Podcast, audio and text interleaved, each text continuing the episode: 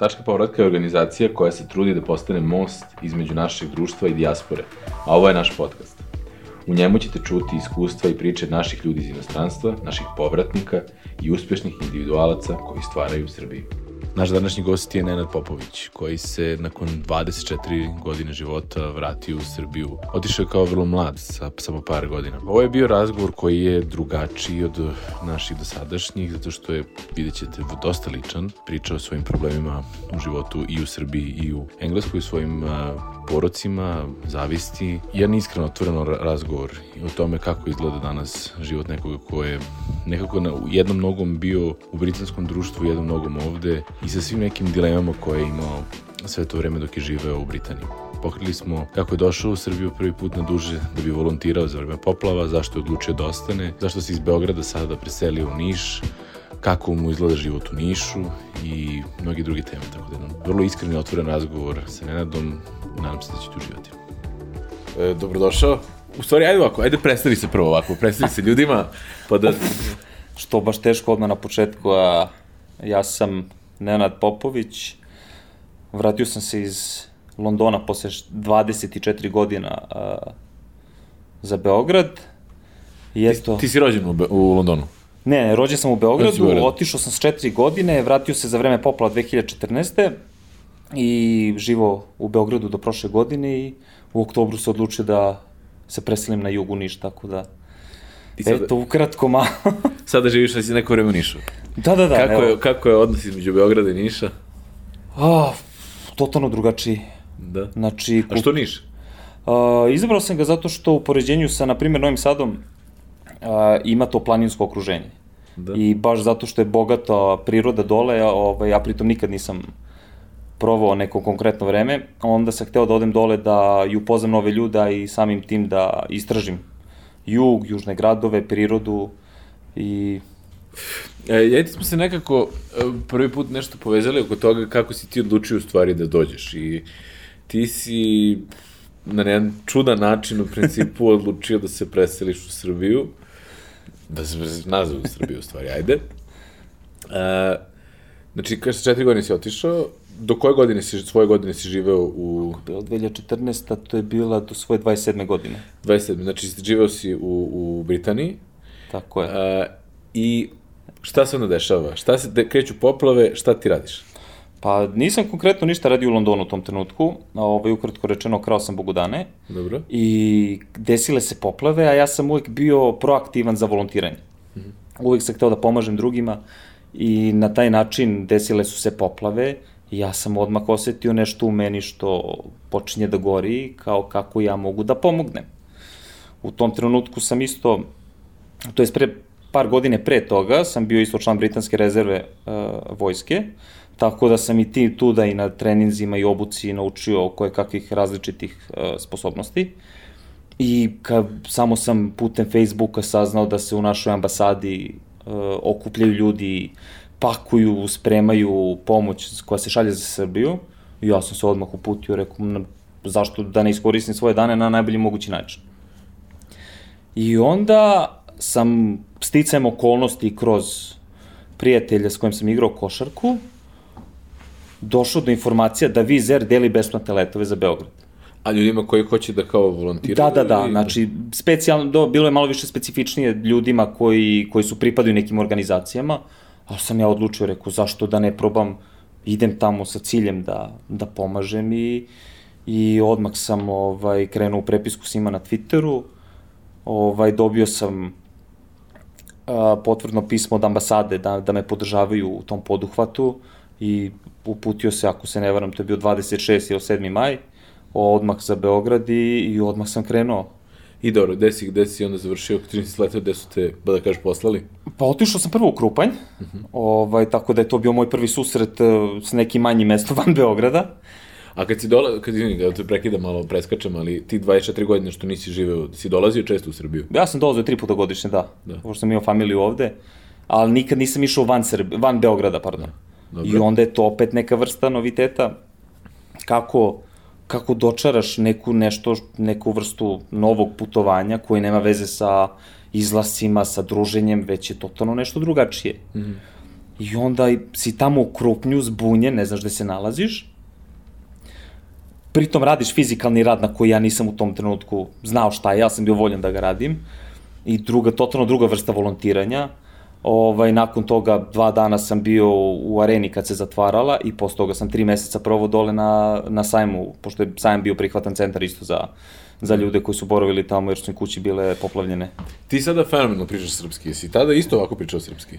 Pa ne bih rekao, mislim da je sve to vežbanje koliko sam i godina ovde sad probao, ali krenuo sam nešto da ga da mu se više posvećujem sa nekih 16-17 godina. Šta, aj recimo, recimo 13 godina, kako je bilo tvoje znanje? Da biš, kad bi neko ocenu od 1 do 10, koliko pa, si znao? Pa možda nekih 4-5. Znači, nisi Mogu ono- sam da pričam, ali nije to bila ništa fluidno, pravio sam dosta grešaka i onda sve to bilo kod kuće nešto malo, a ja sam već i deo svakodnevnice probao pričajući engleski u školi. Mi smo imali u Engleskoj tu neku jugo školu, što je bila super, ali opet to bilo jedan put nedeljno i opet i to nije dovoljno izuzev malog nekog vežbanja da ti sad tu imaš gde da baš ono razvijaš vokabular. Mm -hmm. Tako da, da sam krenuo sa še, tih 16-17 godina slušajući dosta muzike, bila je to u tom trenutku turbo folk muzika, ovaj, da. paljevina, ali, ali u tom slučaju, znaš, kreneš kroz tekstove da učiš, čitaš one pamflete u CD-ovima na kasetama i onda kroz sve to vežbaš i onda kad sam došao ovde sam se odlučio da se baš upustim i da, I dobro, kako se pravi ta razlika? Ajde, kažemo, ti si osetio neku, kao kažeš sam, vatru u sebi da dođeš da pomogneš e, kada je bilo potrebno, da volontiraš.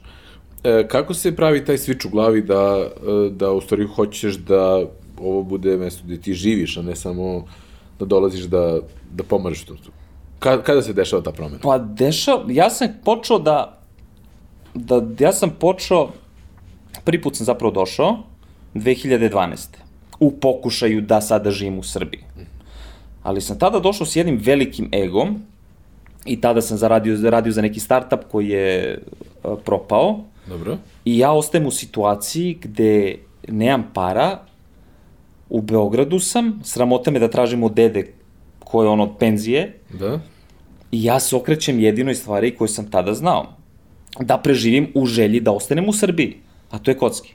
Dobro. I onda sam ja tako kroz kocku ostao, preživljavao iz meseca u mesec. A kad kažeš kocka, to je bilo kladionica. Sportska kladionica, Sportska tako je. I onda mi se život pretvori u danju i noću gledanju sporta da bih ja imao da preživim. Dobro. Da bih ostao, tražio sam posao, to opet kažem, taj ego me kočio iz razloga što sam došao sa pretenziozno u smislu, ja sad imam britansku diplomu, očekujem da mi zvoni telefon. Da, da ti se sva vrata otvaraju. Da, Znači, ja sam došao kao jedini. I onda ostaješ u šoku kad se to ne dešava i onda kreneš da sumnjaš u sebe i kao, ok, šta sad? Pritom svaki intervju koji odradiš, opet prepotenciozno, ja sam taj, ja sam sad neki tu, pritom nemaš, nika, ne, nisam imao nikakve reference. A šta je tvoja, da kažemo, po, poslovna, poslovna pozadina? Znači, čim si, čas si ti Pa e, pa o tome se i radi. Znači, ja sam završio menadžment na Bradfordu, univerzitetu u Severnoj Engleskoj. Da ali ono što je zanimljivo jeste da su mene izbacili iz fakulteta na fin način, jer su mi samo za zadnji ispit dali prolaznu ocenu, da, da me ne vide više. I onda, kao ti sad sa takim egom i s takvom diplomom, dolaziš ovde da, kao šta sad? Da. Da pametuješ drugim. A pritom ja sam nakon fakulteta radio sam neke, da kažemo, konobarske poslove, bio šef sale u tako u gastropubovima. Tako da nije to sad neka pozadina koju ljudi baš ono očekuju da zaposle na neku direktorsku poziciju, da. naravno koju sam ja očekivao. Da. I samim time ti dolaziš i lupaš glavom u zid kao šta se ovde dešava. I to je 2012. Znači to je dve godine pre poplava, je li tako? Tako je. I uh, ti se okrećeš tom poroku da ti kroz sportsku uh, prognozu praktično preživljavaš u Srbiji uh, to dosta, mislim, dosta, dosta, dosta zanimljiv pristup ovaj, e, finansiranju svog života, ali i kako onda, šta se dešava? U nekom trenutku pretpostavljam malo si se baš udario glavom u zid. Imao sam te okidače i sad u tim, tim trenucima to su generalno bile svađe s nekim.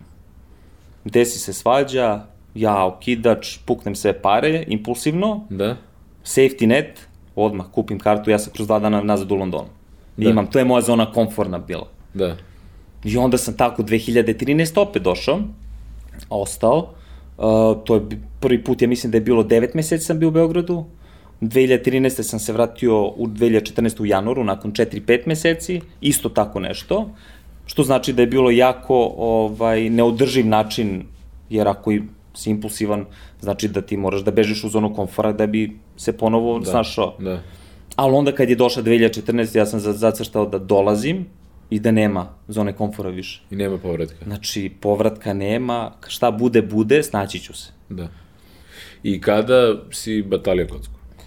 Batalio sam kocku 27. ili 8. oktobra 2017. godine. Da, znači da si nakon, ponovo se po, kada si se vratio, kad su prošli ti dani kada si volontirao, ti si se ponovo ovde uspostavio, si našao neki posao ili si se isto izdržavao od...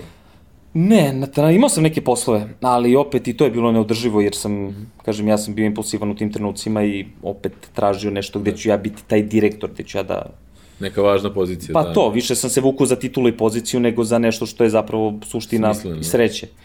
I, kažem, ja sam počeo, sam bio zavisnik kocke od 2006. godine do svega do 2017. Da. Znači to je to nekih, zapravo nekih 13 godine to bilo. Da. I ovaj, i u jednom trenutku sam samo rekao ne može to tako više.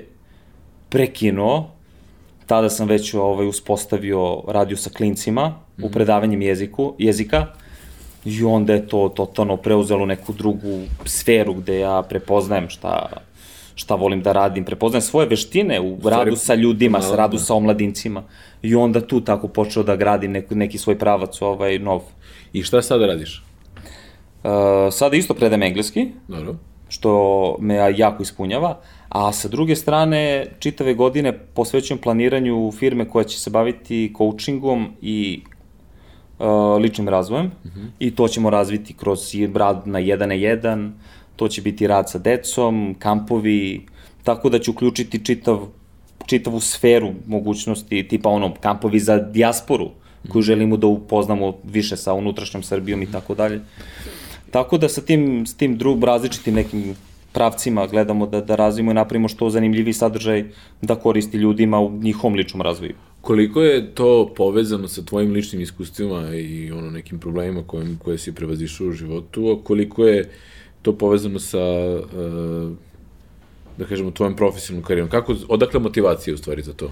Za, za coaching i za to što planiraš da radiš? Pa to se potiče iz mog ličnog iskustva. Mm -hmm. Znači ja kada sam odlučio da sve prestanem, nisam imao na koga da se oslonim, nisam imao podršku, pomoć, ni od koga, već sam sam bio prepušten samo sebi. A, kažeš, 2006. je počelo se to sa kockom, tako? To je bilo u, u, tako u je, Londonu. Tako je, da, da, da. Na fakultetu. Na fakultetu. I, ovaj, i e, kako je to, recimo, koliko misliš da je u stvari e, kulturološki, ili postoje neka velika razlika kulturološki između nas i Britanaca sa te strane kada, kada govorimo o tom konkretnom poruku? Pa... Kako si uopšte ušao u to? Pa ja bih rekao da postoji do nekle. U Engleskoj toliko nije izraženo, makar ne po kladionicama. Mm -hmm. Ali u, Engle, ali u, na primjer, u Engleskoj ili na zapadu je mnogo više izraže, izraženiji taj online betting. Da. E, ja sam bio za taj se zagrizo. Da. Gde ti možda sediš na laptopu, ne možeš da bukvalno ustaneš iz kreveta da. i ti si već u igri. Da. I onda s te strane, ja ne znam ni šta se desilo, ja prva tri meseca na fakultetu sam probao, ovaj, izvezujući se sa, sa, sa drugarima. I krenulo je nešto, to je bilo Navuku. kako ono krene. Nije ni to navuko se, nego načisto odigraš jedan tiket, 5-6 parova i to započe neku svoju, kao ono, izezanje da. i kao gađaš neku veliku cifru. A to je vremenom preraslo u telefonske razgovore sa Vegasom, u tipovima, ra, svi različiti mogući sportovi. Tako da, pritom ono, ne znaš pravilo, ali ti to i dalje igraš, jer da. to ti nešto, mora da te nešto ispuni. Da. I onda s te strane ti si toliko nezadovoljan samim sobom, da. treba ti beg od realnosti, pošto nisam igrao igrice, morao sam da nađem nešto što će da mi ispuni u tom pravcu. Kad, baš dugo vremena, ti si skoro, skoro 25 godina proveo, proveo u Londonu. Kako je tvoj odnos bio prema Srbiji tada? Kako si vidio Srbiju u tom, u tim, tim godinama dok si živao u Londonu? Pa meni je teško, najteže palo ovaj, kada se desilo, na primjer, bombardovanje. Mm -hmm. Jer tada sam doživao zaista da me ljudi prozivaju, doživao sam da me prozivaju ilegalnim imigrantom, a, što me dotaklo je kao ono, ti gledaš na sve kao pojedinci i svi smo isti, svi se volimo. Koliko si ti da godina imao? 10, 11? To je bio, pa tako, šta je bilo, 99. 12 godina. Da. I onda proživljaš to na različite načine, a pritom te onda drugi a, udaraju na tebe putem onog što vide u medijima, i onda s te strane ti ne znaš ništa šta se dešava. Ti znaš da, da si ja političan, a s druge strane svi udaraju na Srbiju i generalizaciju kao da je to sada da su najobičniji ljudi odgovorni za tako nešto. Pritom ti ne znaš da se odbraniš, niti šta da kažeš, i onda si ti u jednoj sferi napadnut od svih ostalih, zato što si jedan deo tog naroda. Da. I tako da sam morao da se s time borim, da sam bukvalno došao ovaj, u situaciju gde sam želao iz dna duše da, da zapalim pasoš britanski, da pocepam sve moguće dokumente, se ostanem sa srpskim i se vratim za Srbiju. Mislim, jedan ekstreman, impulsivan trenutak. Da. Ja ne znam više šta sa sobom, nemaš s kime da pričaš o tome, i onda ti vučeš neku najveću ekstremu moguću. A kako, si se, kako su tvoji roditelji sa njima razgovarao o tome ili ne? Da, da, da. I kako su oni osjećali? Pa oni su bili zbunjeni kao zbog čega, ali to nekle su i razumeli taj bes, jer ja sam morao 8 sati dnevno da trpim te muke ovaj, u školi. A u školi si ti bio jedini srbin? A, nisam zapravo. Nisam. Ovaj, u, u školu sa mnom su, uh, su, su pohađali i članovi Karić familije. Uh -huh i, ali u tim trenucima nisam, da kažem, bio najbliži s njima i onda sam bukvalno bio sam sa sobom. Da, da. Jer, bu, jer on je bio, taj moj drug je bio to, dosta drugačiji. On je bio jači i snažniji od mene. Da. I onda on je mogu bolje se izbori s time, dok sam ja bio naivan, povučen i kao kako ste izboriti s time? Da. I onda to ono, ti protiv 1 na 10, pa malo teže ćeš da dođeš do glasa. A ovaj, in, inači, i si i tad si već imao neku viziju tome da želiš da živiš u Srbiji? Kao, da, kao klinac. da, ka, kažem, vuklo me to što sam uvijek dolazio, mm. vuklo me to što mi je deda žive ovde, uh, baka, nana, i onda si, sam uvijek želao da dođem i projedem vremena s njima, jer kažem, to detinstvo sam probao i ovde. I onda u toj interakciji ja želim da dođem da provedem vreme s njima, jer nije to isto kad se čuješ na telefonu, i onda jasne, proživljaš jasne. kroz dve, tri rečenice i to je kao prekid konverzacije. I ovaj, znači, i tu 2014. kažeš ono, spaljuješ most iza sebe, krećeš da živiš u, u, ovaj, u Beogradu, još neko vreme kuboriš sa, sa kockom, kako si je batalio? Kako je to, ono, odjednom ili... Pa to? to je desilo, tad sam bio u vezi i nakon tog raskida, ovaj, što me devojka ostavila, uh, uspela je da otpuši sve moje, kom, tu čitavu moju komfortnu zonu da. i dolaze do izražaja i isplivavanja svi moji nerešeni problemi, sva moja anksioznost, uh, patio sam i od PTSD-a i svi ti problemi koje sam imao i bukvalno to obara na nogu i ti kao šta sad? Mislim, tih deset dana ja ne krijem, to se nisam vadio iz kafane ali da. u fazonu kao ono, sad gledaš, u, tom, u toj perspektivi ti gledaš sad drugi porok, da. težiš ka teškom alkoholizmu. Da. I onda se bukvalno u nekom trenutku sam sagledao, zanimljivo za vreme tiketa jednog kad sam da. odigrao, ovaj, nekako došlo do saznanja i da priznam sebi, jer rekao ja sam zavisnik i, i u tom trenutku sam prestao. U tom trenutku sam odlučio da prekinem sa sečem i jednom nisam osetio želju niti potrebu da se vratim tome.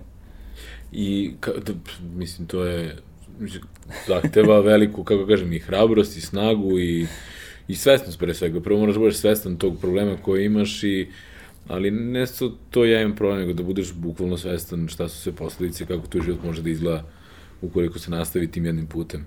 E, I onda, a koliko dugo se baviš teachingom?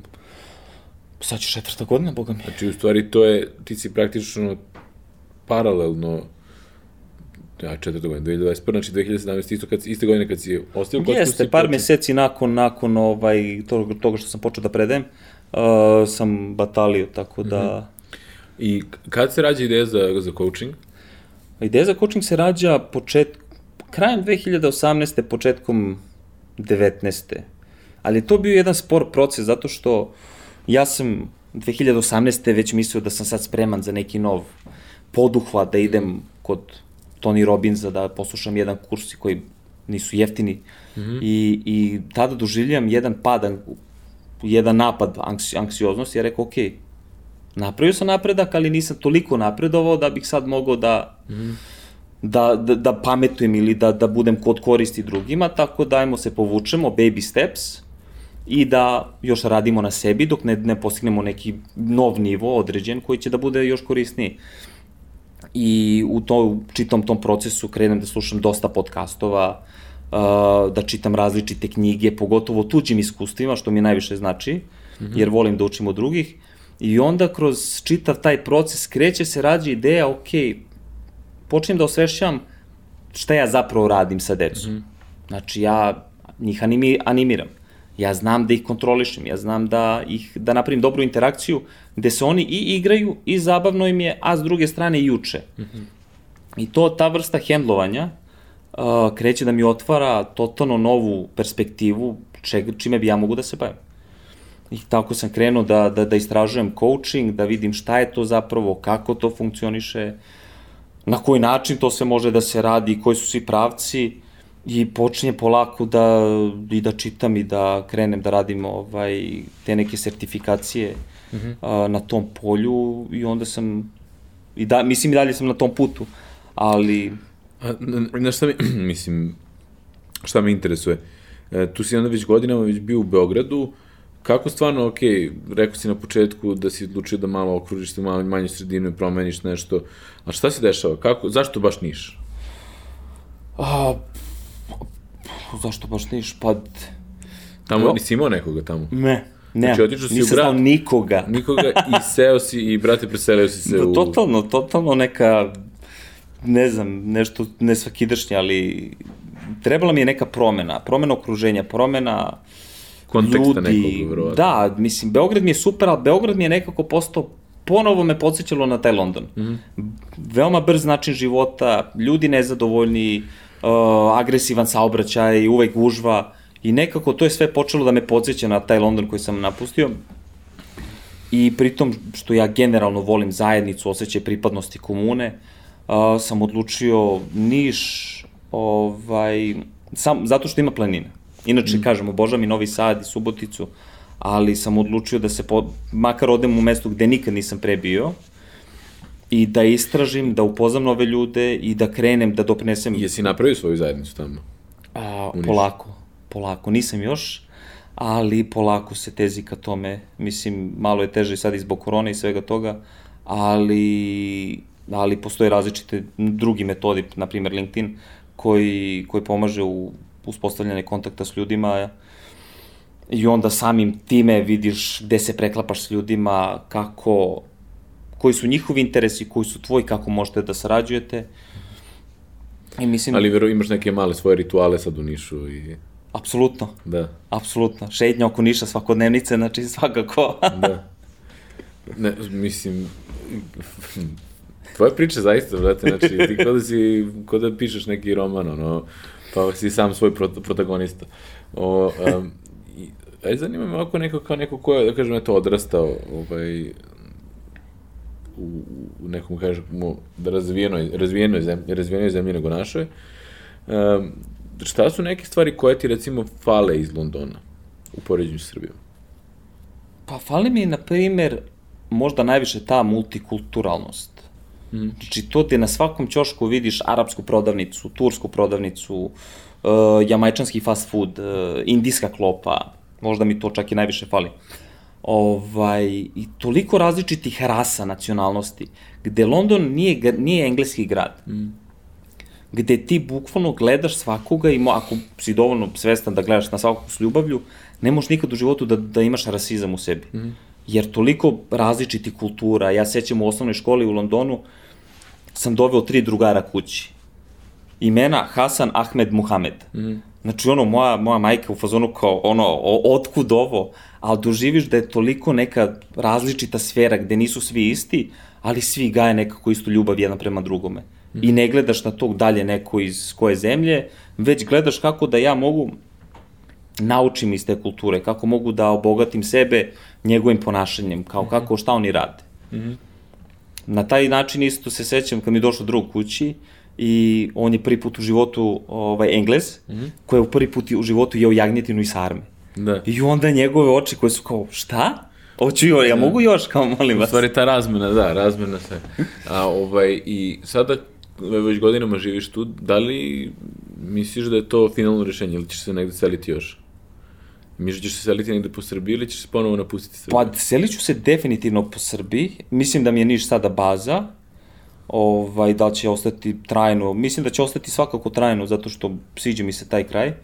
Ali definitivno planir, želim da, da proputujem i živim u drugim mestima samo zato što znam sebe. Mm -hmm. I želim da putujem i upoznajem nove kulture, nove narode i da vidim, ne samo da sebe obogatim, nego da svo to znanje vratim i da prenesem na ostale ljude. Mm -hmm. Na omladinu, da oplemenimo, opet kažem, naša sredina, koliko god da je bogata kulturološki, opet možemo da učimo i da vučemo druge pravce iz tuđih religija, meditacija, ponašanja i kako da postanemo još bolji od onog što jesmo. Tako da, ovaj, jedan od tih, da kažemo, destinacija volao bi da proputujem Kinu, Japan, a... Je li to većina tvojih, da kažemo, klijenata? Kome predaješ? Uh, uh, što se tiče engleski, da, da, da, da, da, da, da. Ovaj, taj zapad, znači, kažem ti, kroz celo to predavanje, ja sam od njih mnogo naučio. Da. Tako da se zato obožavam zaista to što radim. A s druge strane, opet bih volao da živim u Teksasu. Ono, tipa jedan mali deo divljeg zapada, tako da, da. ono, mislim da ovaj svet ima zaista toliko puno da ponudi i hteo bih Pa to je ono što mi pokušavamo stalno kroz ovaj, kroz ovaj podcast i kroz neku generalnu komunikaciju da promovišemo upravo tu cirkularnu migraciju, da je ključno odlaziti i vraćati se i u principu e, da svet je danas toliko došlo, ajde, korona nas malo sputava u tome, ali je razvijen, dovoljno da ti ne moraš više da imaš samo jednu bazu. Ona može da bude nekoliko baza i da ti danas ako hoćeš da živiš punim plućima, možeš da živiš punim plućima tako što ćeš biti jednom nogom ovde, drugom nogom tamo i nije više samo jedan dom. Dom je tamo gde si prihvaćen, imaš neku svoju zajednicu, to može da bude ili u e pa, bukvalno to. Teksasu, može da bude u, u Nišu. Ovaj, Mislim, mislim, ovaj, nešto te prekidam, mislim da je to jedna super stvar, jer baš na, na, na osnovu toga cirkularne migracije, ako ti uzmeš sada petro ljudi koji su se vratili ne samo iz inostranstva, iz iste zemlje, mm -hmm. tih petro ljudi će imati različito iskustvo, različitu priču iza sebe, različite doživljaje, koji sami sa sebe mogu, mogu da funkcionišu zajedno jer nisu isti. Tako da sve to ono, kreira neku totalno novu priču samo za sebe i mislim da je to fenomenalno. A šta je ono što, mi imamo sve neka pitanja koje postavljamo praktično svim gostima, e, i ovo je jedno od njih, a to je e, da imaš nekako ono, magični štapići da jednim pokretom možeš da promeniš jednu stvar u Srbiji, bilo da to u društvu, u državi i to, i da sutra, za ono, sutra svi to prihvate kao novu normalnost, koja bi to promena bila? Ja bih uveo kao obavezan čas, ne samo školama, mislim za sve generalno, gde god da se nalaze, uh, jedan sat dnevno ličnog razvoja. Mm -hmm. Znači, definitivno, hteo ne hteo, podučavanje, učenje, kako slušati druge, uh, učiti o različitim načina komunikacije, meditacija, pošto očigledno ovaj, mislim da, da bi nam svima dobro došlo da, da se malo povežemo sa, sa, sa, sa sobom. I, I mislim da, da bi to ne samo ojačalo nas kao sredinu, već uh, drugačije bi imali perspektivu na, na, na možda kako je stanje u zemlji. A, ok, a šta je ovaj, eto, s obzirom da ćeš, da planiraš da razviješ biznis u kome ćeš se baviti coachingom i da kažeš da jedna od stvari koje bi menjao jeste da svi rade na, da, barem jedan dan, jedan da, sat dnevno na sebi. Šta je ono što je uh, na tebe najviše, koja, koja konkretna veština koju si sam na sebi sproveo ti je najviše pomogla? Uh, povezivanje sa sobom i konstantno gledanje na prošlost. Uh -huh. Znači, nebitno da li je to dobar a pretežno će da bude da je loš trenutak. Dobro. Ja ću ga provlačiti sto puta. Jer Dobro. želim iz svakog lošeg trenutka da sto puta provučem i da izvučem ono što je najbitnije. Znači, da ne da gledam kao ko je sad kriv ili uh, jao, šta čekaj, mi je on radio. Ja, ja sam čuo hiljadu puta ono, kao ne gledaj nikad u prošlost, gledaj samo napred, u budućnost. Pa ako gleda, idemo u budućnost bez, pro, bez znanja prošlosti, mi smo pukli. Dobro. A ako se vratimo u prošlost i sagledamo svaku situaciju, bitno je da ne, kaže, da ne krivimo, e sad on je kriv, on je mene zezno to. Da pokušamo da naučimo šta, šta se desilo u toj situaciji, gde smo mi pogrešili, jer smo bili naivni ili impulsivni ili šta god, i da izvučemo kako bismo to drugačije mogli da sprovedemo u toj istoj situaciji u budućnosti. Mm -hmm. I onda kroz tu refleksiju Mislim, ono, ja sad kad pogledam unazad i kao, ok, zašto sam se ja kocko? Ja mogu da prepoznam, ok, bio sam nezadovoljan, nisam, nisam bio proaktivan. Iako jesam volontirao, ti, si, te sitnice su postojale, ali su prevaskodno bile kontrolisane od zavisnosti. Mm -hmm. I onda kad sve to vučeš, ili, na primjer, ok, razgid, gde sam ja tu pogrešio, šta sam ja to loše uradio, kako ja mogu sada da ne ponovim te iste greške, da dobijem 10 puta bolji ishod. Mm -hmm. I ja ću uvek da tezim na to, uvek volim taj 10x, 10 puta bolje, jer gledaš, ok, ajmo da ne ponovimo tu grešku, ali da napravimo 10 puta bolji ishod. Mm -hmm. Znači, dalje to promena komunikacije, ponašanja, samokontrole. Tako da ta samorefleksija na meni i tekako ovaj, dosta deluje, pomaže i mislim da je to nešto što je neophodno svakodnevno raditi. Tako da... Jel pišeš dnevnik? Uh, dnevnik ne, ali zapisujem svaki loš trenutak koji imam, tako da... neka vrsta, da, neka vrsta. Pa da, kažem, meni je za mene to vrsta dnevnika šetnja. Uh mhm. -huh. Šetnja i priča sam sa sobom. Uh mhm. -huh. Tako da to je neka vrsta moja self-reflectiona i, i koja, koju ono, že, generalno u svakom coachingu uh mhm. -huh. to radim s ljudima, jer kao, ajmo da gledamo na prošlo, šta se to loše izdešavalo, šta će to bolje da se desi sutra. Uh -huh. Da. Uh, koju knjigu si najviše puta poklonio? Uh, kako se zove? Uh, William H. McRaven. Dobro. How to make your bed.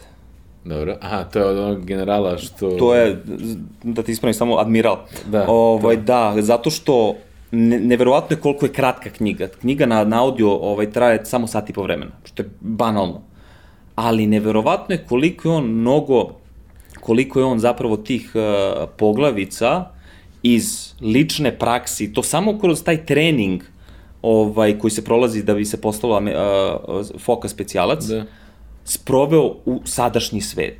I kako je on nameštanjem kreveta dočarao koliko je to bitno u stvaranju veli, većih promena u životu. I ti onda, tu knjigu sam ja mislim slušao 20 puta za redom. I onda ti, zato što imam toliko puno da se upamti kao, ajmo ponovo, ajmo ponovo. Da, da. I onda ti shvatiš kao, čekaj, čovek priča najbanalniju stvar. I verovao, mi ne, verovao meni ili ne, ja sam nakon slušanja te knjige prvi put u životu počeo da svaki dan nameštam svoj krevet. Ili dalje krevet. Tako je. da. E, ja sam i, ja mislim, jedno nešto preleteo, ali sad neko, neko mi je relativno skoro tu knjigu pomenuo e, kao isto jednu od najuticajnijih knjiga na njegov ili njen život. E, pa sam se te, čuda da se to bukvalno u nedelju dana da se dešava da neko isto tu knjigu pominje, pominje ponovo. A, dobro, to, to su neka pitanja koje stvarno postavljamo o većini gostiju, a nekako za kraj voleo bih a, kako, kako ti recimo sada vidiš Srbiju u odnosu na kako si je video iz Londona? Kako, kako je tvoja sad percepcija i to ovde najviše mislim ono društvu generalno i to Koje su to neke mitovi koji su ti bili razbijeni ili nove koji su sada su se formirali? Šta je tu tako različito u odnosu na nekoga ko je bio, da kažem, srpska dijaspora 20 godina, 20 nešto godina, a sada si neko ko živi ovde. Šta su te, te razlike?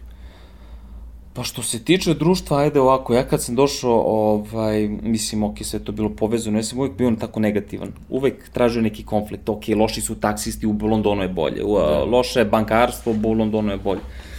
Ali sve to krenulo da se menja kad sam ja prestao da pravim paralele. Mm -hmm. Jer praviti paralele je nešto što je totalno suludo, jer totalno su različite zemlje i ne može da se prave paralele. I onda kada sam to prestao, krenuo sam da dočaravam Srbiju na totalno drugi način. Da zapravo volim tu gde sam, jer sam se predao ovaj, svom silinom. I, na primjer, ok, uh, da kažem, ono, u društvu, meni je, meni je fascinantno to kako u Londonu je zaista popularno posle posla ići na pića, ono, petak uveče, ubijanje od alkohola, kako je da kažemo to njima, a u Srbiji to, na primjer, ne postoji ljudi se... Koji su sigurno da ne postoji, brate, ovde. A ne, a ne, a nije postalo, brate... ali nije postalo kulturološki tako. Mislim, ljudi jezde izlaze i to je super, ali ne izlaze s nekom normom, ovaj, kao na primjer što je tako u Londonu, makar ne po mom mišljenju. Ok, jeste, ima taj moment, eh, kod nas ljudi stal, mnogo piju, ali često i malo, možda malo umerenije, O, jeste, ono, brate, Britanci se ono oletvaju za, za vikend, i, a to je ono, cilj je da stvarno budeš ono obeznanjen od alkohola, Kod nas je stvar, aj, cilj je da kao se dobro provedeš, pa nekad se popije čašica više. Nekad, dosta često. Ali, da, ali dobro, znači, znači, kod, na, to ti je kulturološki šok ti je s te strane bio. Šta si mislio da se ovde ljudi odbijaju od alkohola isto kao i tamo? Ne, ne, bilo mi fascinantno da mm. to kao nije svuda tako. Mm -hmm. Kao drugačije, znači u, u Engleskoj, na primjer, ti u Londonu, ajmo tako, ovaj, preko nedelje viđenje s ljudima, pa to je nemoguće. Svi žive toliko da, daleko od jedan drugoga da je to skoro pa nemoguće. Dok u Beogradu čuješ se s nekim, ti si već tu za 10-15 minuta. Znači, totalno drugačiji, mnogo je društveniji Beograd, Srbija. Da. I onda, s te strane, kažem, to me dosta privuklo. Ta prilika za druženje. A sada, šta sad misliš? Sad, mi sada kada si ono nekako, imaš jasno razumevanje jedne i druge strane? Uh, pa ne bih rekao da ima preterano kultu, kulturoloških šokova, da mm. kažem. Iskreno, ne znam, ono, ok, drugačiji su gradovi, ali mm. kako, ne znam ni šta bi tačno istekao, jer, evo, na primjer, nisam već četiri godine bio gore i... Uopšte nisi bio u Londonu? Ne, ne. Kad si zadnji put si bio, rekao? 2017. Da. I... Tako da, s te strane, ljudi su topli, ovaj, uh, jedno možda, možda bi istako da su ljudi možda topli malo više u unutrašnjosti nego u Beogradu, ali opet to ako povežemo sa Londonom i to opet ima svoj da, da. efekat. Da. Ali generalno, Beograd sve više tezi ka tom Londonu da. i baš se tu ubija ta, ta neka vrsta dinamike razlikovanja. Da. A, evo, ajde za kraj, ako možemo, kad planiraš da, da svoj projekat lansiraš, kad planiraš da se posvetiš coachingu ono, ne mogu kažem full time, ali da se okreneš ka tome kao, kao tom značajnom projektu za koji govoriš. Pa s tim da je ova godina posvećena planiranju, postoji mala neka prilika da će da zaživi možda krajem godine, ali pretežno je to fokus za 2022. godinu, tad želimo i kampove za decu da lansiramo, to je sada u, u, u planning procesu, tako da, jer... Ti kažeš mi, ko, ko je se uključeno to? Uh, pa ja, ali i da kad kažem ja, mi u procesu sam stvaranje tima jer ne želim da radim sve sam, no. a ujednako i ne mogu da radim sve sam. Yes, yes. Tako da želim da, da, da kažem, kreiram tim, a, da uradimo jedan dobar planning, da napravimo dobre programe koji će zapravo biti korisni. Ne želimo da lanciramo sve prebrzo, jer onda ćemo dobiti neki polovičan projekat koji ne želimo. Yes. Tako da i da nam vremena da uradimo i dobar marketing i da razvijemo priču. Mm -hmm, yes. Tako da sledeće godine... Vidi, želim ti stvarno svu sreću, kada to bude gotovo, pošalji nam malo na link da malo... Obavezno. Da, malo da, da, da, da, mislim, to će biti ako zaživi na onaj način na koji ti e, naravno želiš da zaživi, to će biti jedna super povratnička priča, neko ko se vratio i ovaj, ovde odlučio da prenese, da se posveti posveti i klincima i ljudima kojima je to potrebno i da prenese neko znanje. Tako da želim stvarno svu sreću, pa onda može i tada da dođeš Hvala. malo u goste da, da mi ispričaš kako to izgleda konkretno. Možda prvo da i da vi dođete u goste, da vidite kako e, to na delu izgleda. Eto, to, to je dobro, dobro. Tako da, hvala ti na, na gostovanju i hvala na pozivu. u kontaktu. Tako je, hvala puno. Ne, znači.